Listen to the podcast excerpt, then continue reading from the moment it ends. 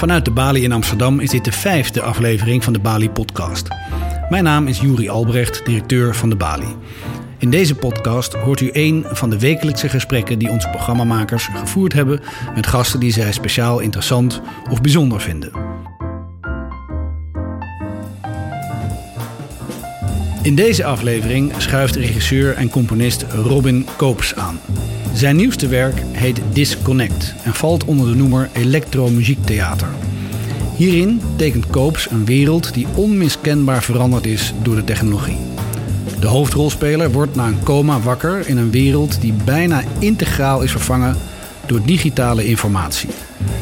Disconnect gaat over de maakbaarheid van de mens en de waarde van imperfectie. U hoort de stem van onze redacteur Caspar van Gemunt in gesprek met Robin Koops live in de Bali.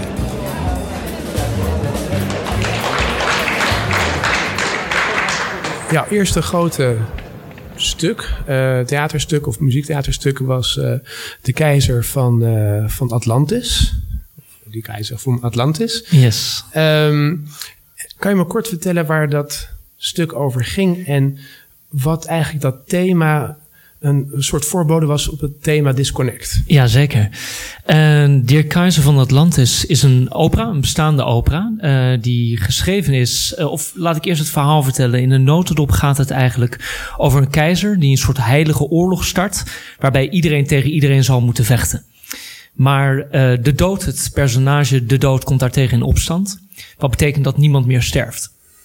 En de enige mogelijke manier om het natuurlijke proces weer in gang te zetten is dat de keizer zichzelf opoffert aan de natuurlijke dood. Nou goed, dit stuk, dat bestaande verhaal, is geschreven in een concentratiekamp in Theresienstadt. En toen ik dat hoorde en toen ik de muziek hoorde, bijna een soort Kurt Weill, toen was ik daar heel erg door geraakt. En ik vertelde dat uh, tegen een persoon. Ik zei, nou, ik wil in de toekomst ik heel graag deze opera uitvoeren. En toen zei hij, nou ja, dat is toevallig, want uh, bij de wereldpremière hier in Amsterdam in het Bellevue Theater in 1975, hm. toen was ik uh, de regieassistent. Je hebt het over Hans Nieuwenhuis? Hans Nieuwenhuis, inderdaad. En uh, uiteindelijk uh, is dat vrij snel toen allemaal gegaan. Toen heb ik de regisseuse van destijds ontmoet. En toen heb ik, uh, hebben we de oude cast bij elkaar gebracht. Hebben we hier een soort preview nog gegeven in het Bellevue Theater. En uiteindelijk, dat heeft zo'n nou, pak een beetje vier jaar geduurd. Maar toen hebben we vorig jaar hebben we de uiteindelijke voorstelling in samenwerking met het New European Ensemble en de Reizenopera. Hebben we dat hier in het Compagnietheater gespeeld. En uh, zal dit ooit weer hernomen worden? Of was het one, one ik hoop het, ik hoop het. We, we, we gaan daarvoor. Ja, en uh, het, het mooie is van het, van het stuk is dat het, uh, omdat je vroeg van wat heeft dat thematisch ja. ook te maken, is dat het voor mij heel erg gaat om alle stukken die ik maak, merk ik dat het gaat over een soort het verlies of het zoeken naar een identiteit. Mm -hmm. En in dit stuk gaat het erover natuurlijk dat die identiteit van heel veel mensen is afgenomen. Uh, op een gegeven moment bestaat er geen identiteit meer, omdat ieders leven wordt afgenomen. Uh, en dat is iets wat ik merk dat er op verschillende manieren de hele tijd in mijn werk terugkomt. Op wat voor manier dan ook en wat voor werk dan ook. Dus inderdaad, voordat we over uh, Disconnect uh, verder gaan, uh, moet ik, hebben, we hebben eerder een gesprek hierover gehad en ik moest ergens denken aan een fragment dat ik ooit heb gezien in, in de jaren negentig op de VPRO. Dat heette toen de Web, WEB tele, Television. En dat ging over de aankondiging van het internet, wat internet zou gaan betekenen. Ja. We leefden toen nog in een totaal analoge tijdperk. En, uh, en er was toen een, een visionair een, uh, van Silicon Valley die toen vertelde dat hij niet kon wachten op, op, op uh, echt de volledige implicatie van, van internet. Dat, hij, dat uiteindelijk het fysieke lichaam, het fysieke, dat, dat, dat lichaam wat hem in de weg zat, ja. onverbodig zou worden. en dat hij eigenlijk alle zijn herinneringen en zijn, zijn kennis uh, in een soort cloud terecht zou komen en gedeeld zou kunnen worden. Dat vond ik toen een zeer beangstigende idee. Ik vond dat mm -hmm. toen echt science fiction, maar uh, het is razendsnel gegaan. We, dus we zijn twintig jaar verder en, uh, en misschien zijn we nu op het punt dat het aan het, aan het ontstaan is. Ja, zeker. Uh, ik wil eigenlijk eerst een fragment laten horen over uh, dat uit jullie, jouw theaterstuk komt. Ja.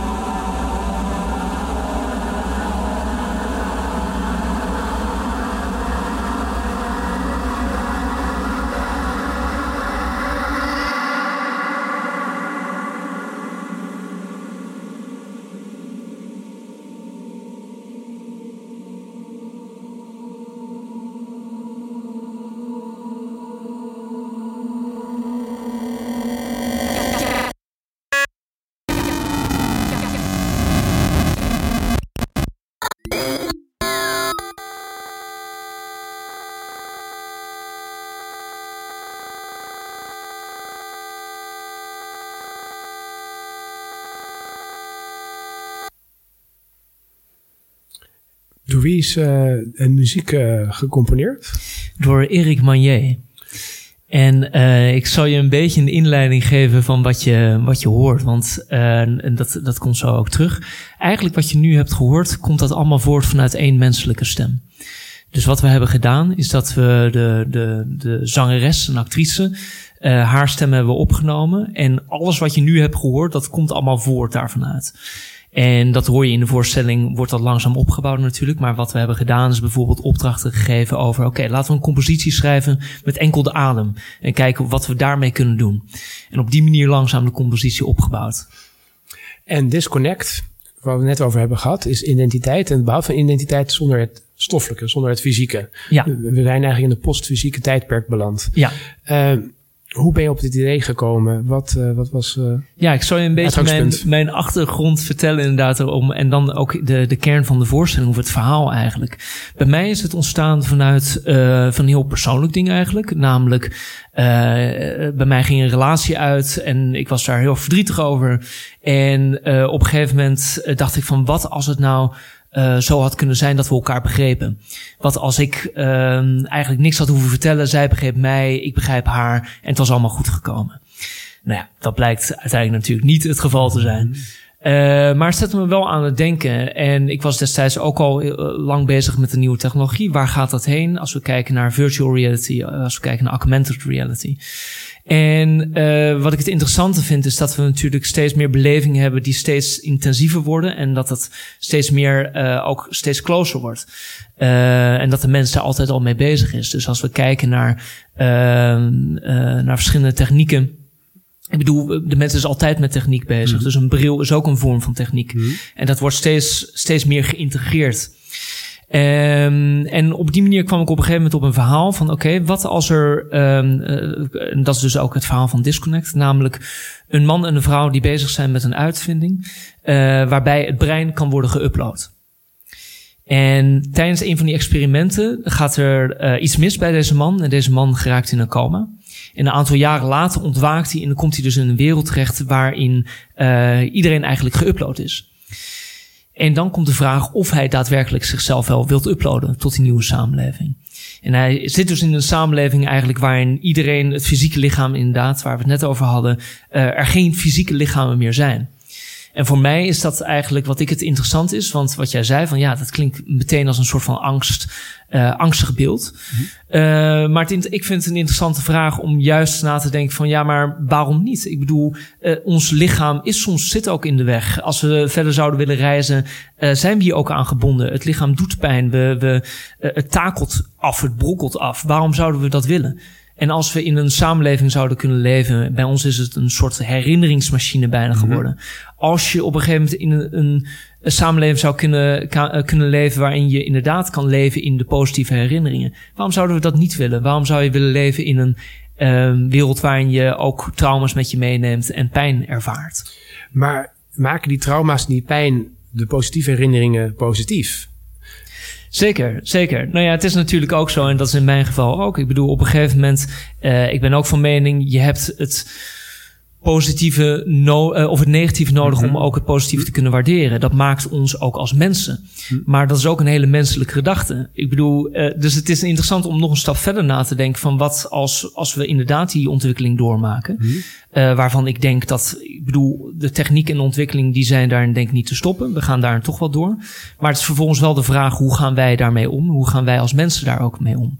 En als dat echt zich helemaal doorontwikkelt, nou ja, wat wat willen, willen we echt op die manier mens blijven? Of ontwikkelt zich dat zo verder door dat we, um, uh, dat, we dat ook uh, nou ja, moeten laten gaan? In een introductie uh, in jullie programmaboekje staat eigenlijk de, de moderne communicatiemiddelen en het internet is de grootste revolutie sinds de boekdrukkunst. Ja. nou, die vergelijking wordt natuurlijk vaker gemaakt. maar de boekdrukkunst heeft niet alleen maar betekend dat wij onze eigen boeken kunnen lezen, maar het betekent dat we toen het heilige woord konden lezen zelf, konden uitleggen. Je had dus niet meer een kerk nodig die het hoefde uit te leggen. Ja, dus, zeker. Ja. En dus het protestantisme werd mogelijk eigenlijk. En dus eigenlijk daar ook door de emancipatie van, van, van je religieuze gedachten en, en, en uh, door, door middel van de boekdrukkunst. Ik denk, de Bijbel was ook tenslotte het eerste boek dat gedrukt werd. Um, dat heeft inderdaad geleid uiteindelijk tot de 30-jarige oorlog, om kort door de bocht te gaan. Ik bedoel, eh, men, had, eh, men eh, moest er even overheen komen, deze hele nieuwe tijd. En het was dus plotseling, alles werd omvergeworpen. Nu zitten wij ook in een soort tussenfase. Wij, ik- zoals ik al zei, in hoeverre is het nog science fiction, in hoeverre is het gewoon science? Ja, En, eh, en in hoeverre is de mens eigenlijk niet in staat om deze vrijheid of deze, deze mogelijkheden te, ja, te, ver, te, te, te, verhapstukken eigenlijk, Ja. te, eh, aan te kunnen? Worden wij niet, gaat het niet eigenlijk te snel? De Ja, zeker. Nee, ik, ik, ik denk dat dat ook zeker het geval is. Maar daarom zijn wij, ik bedoel, eh, eh, ook de bedrijven die daarmee bezig zijn natuurlijk met die nieuwe technologie. Maar vaak is dat gedreven door een markteconomie, dus eh, zit daar weinig speling. Maar daarom denk ik dat we als, eh, nou ja, ik in mijn geval als, als eh, theatermaker, filmmaker, dat ik me daar toe moet verhouden. En dat het eh, daarom juist een dialoog moeten openbreken dat het inderdaad soms voor ons te snel gaat, moeten we juist uh, het proberen te stoppen om erover na te denken en kijken hoe gaan we daarmee om. En nogmaals, ik ben, ik bedoel, ik gebruik technologie zelf ook voortdurend. Ik ben vastgeplakt aan mijn laptop en mijn mobiele telefoon zit ik ook voortdurend op te kijken wat, uh, ja, wat je heel vervelend kan vinden, maar uh, aan de andere kant uh, brengt het ook heel veel mooie dingen. Dus uh, opnieuw, ik denk dat het belangrijk is om daar dus in dialoog over te gaan. Hoe willen wij met die nieuwe technologie omgaan in de toekomst? En daarom is het zo belangrijk om dat op die manier voor te zijn. Zeker, maar de vraag is inderdaad, hebben wij uiteindelijk er nog zeggenschap over? Dus letterlijk ook over, zoals je het al zal zien, het is data is nu de nieuwe grondstof. De grote technologiebedrijven verzamelen onze emoties, verzamelen mm. onze herinneringen, verzamelen uh, uh, onze connecties, hè, de verbindingen, ook ja. fysieke verbindingen die aangaan. dus het zijn twee dingen eigenlijk. De mogelijkheid om nu sharen, te sharen, sharing is caring, ja. is uh, zorgt er eigenlijk voor dat iedereen alleen maar laat zien wat, wat, wat hun, ja, ze het is alleen maar, het is in een bepaalde manier zenden. Het is niet een bepaalde, ja, het is niet delen, het is, het is zenden. Dat is één ding. Dus de mens heeft nu een soort, misschien klink ik heel erg uh, uh, misantropisch daarin, en dat ben ik ook, is namelijk dat, uh, dat het dus een soort ver, vervlakking van een soort communicatie is, van, van, een, van, de, van een intermenselijke communicatie. Nu, hè? misschien ja. wordt het beter, misschien ja. is de volgende generatie daar helemaal overheen. Maar het tweede is, uh, wat wordt er met de data gedaan? Als je dus nu hoort over uh, artificiële technologie of intelligentie, mm. uh, dat daar, daar wordt eigenlijk nu ook door alle grote, of nou Musk van Tesla is of, uh, of, of, of uh, Hawkins, die zegt, die, die artificiële intelligentie die gaat te hard. Daar hebben we eigenlijk als mens lo lopen we achter de feiten aan. Ja, zeker. Ja.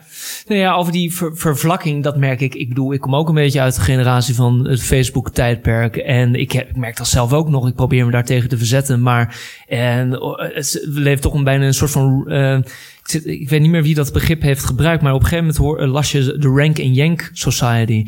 Uh, een soort maatschappij, een prestatiemaatschappij, waarin iedereen gezien wilt worden en het enkel gaat over het produceren. En, en om een voorbeeld inderdaad waarin iedereen ook voortdurend informatie zendt en deelt. En uh, vaak de positieve kanten enkel. Dat is natuurlijk Facebook een, perfect voorbeeld van. Wat als we ons brein zouden uploaden? Wat als we allemaal verbonden zouden zijn? Zou dat inderdaad dan ook zo zijn? Zouden we in een soort van middenkader terechtkomen waarin we enkel onze positieve gedachten zouden delen en dat negatieve uit de weg zouden gaan, waar we het net ook over hadden. Ja, dat is, dat is de vraag. En ik denk dat. Um, um, ik, ja, nogmaals, daar, daar, daar denk ik ook met de voorstelling die wij proberen te maken, is de, de dialoog daarin dat we over na blijven denken, is het meest belangrijke. Uh, hoe gaan we daar vervolgens mee om? Um, de voorstelling zelf uh, wordt gedragen door één acteur. Het is wel een muziekvoorstelling. Uh, ja. Nee, misschien is het ja. grappig om uh, daar inderdaad op in te haken. Je, wat je ziet eigenlijk, om een beetje een kaart te schetsen binnen de muziek ook die je hoorde. Want je hoorde eigenlijk dat, dat klankspel en die glitches. Maar je ziet dus eigenlijk één acteur in de installatie. En het is dus ook een dialoog met deze ene acteur en die digitale stem. En voor sommigen die waarschijnlijk de film Her ook misschien wel hebben gezien, is dat een perfect voorbeeld. Um, dus het is, het is een heel spannend proces tussen een soort multimedia installatie en één fysiek lichaam dat daar staat. En dat zich dus ook moet verhouden tot die technologie. Um, wat zou uh, een goed vervolg kunnen zijn na de, die keizer van Atlantis ja. en Disconnect? Wat, wat, uh, waar, uh, waar kunnen we jouw volgende project voor mij zou een hele volgende spannende stap zijn, zou richting virtual reality en augmented reality. Ik denk dat dat een hele, uh, waar we het net over hadden, dat, dat de technologie steeds meer tot ons komt. Hoe gaan we met dat medium om? Uh, zelfs met de, de, de voorstelling waar we nu net mee uh, hebben gemaakt met Disconnect. Hoe, hoe kun je een wereld creëren waar een virtual reality daar ook onderdeel van kan zijn? Of augmented reality, wat ik eigenlijk nog interessanter vind, omdat er dan de werelden of de, de, de, de werkelijkheden met elkaar gaan vermengen. Dus ik denk dat uh, mijn volgende projecten ook zeker in uh, die richting op zouden gaan. Uh, maar daar moeten we ook de, de juiste content ook weer voor vinden. Omdat je nu merkt, nu zit het natuurlijk echt nog in de startfase waarin heel veel wordt gemaakt. Uh, wat ook vaak, wat niet erg is, maar ook vaak onzin is. Omdat we gewoon kijken, wat kunnen we met die uh, nieuwe medium? En ik, voor mij is het wel heel erg belangrijk om de juiste content te vinden, om vervolgens het juiste medium te vinden. Dus wie weet is het misschien ook wel een monoloog in het theater, als ik de, de, een, een de of, content of, vind. Of een speciale film voor Pathé. Uh, precies, ja. precies. Voor de 4D, uh, 4DX waar ze nu mee komen, waar je een stoel met water en alles uh, gaat beleven. En, nou ja. ik kan niet wachten. Dat, dat, ja, dat ik, hier, ook, ik denk dat ik het heel grappig ga vinden vooral. Um, wanneer uh, zal Disconnect uh, nog spelen en waar? Volgende week spelen we, volgende week woensdag spelen we nog in Haarlem. Hmm. En daarna spelen we nog in Utrecht, in Theater de Kikker. En spelen ook nog in de NC. En in de NC, dat is pas in maart. Hmm. Uh, dus we zijn best wel verspreid nog. Maar er zijn zeker nog mogelijkheden om te komen kijken.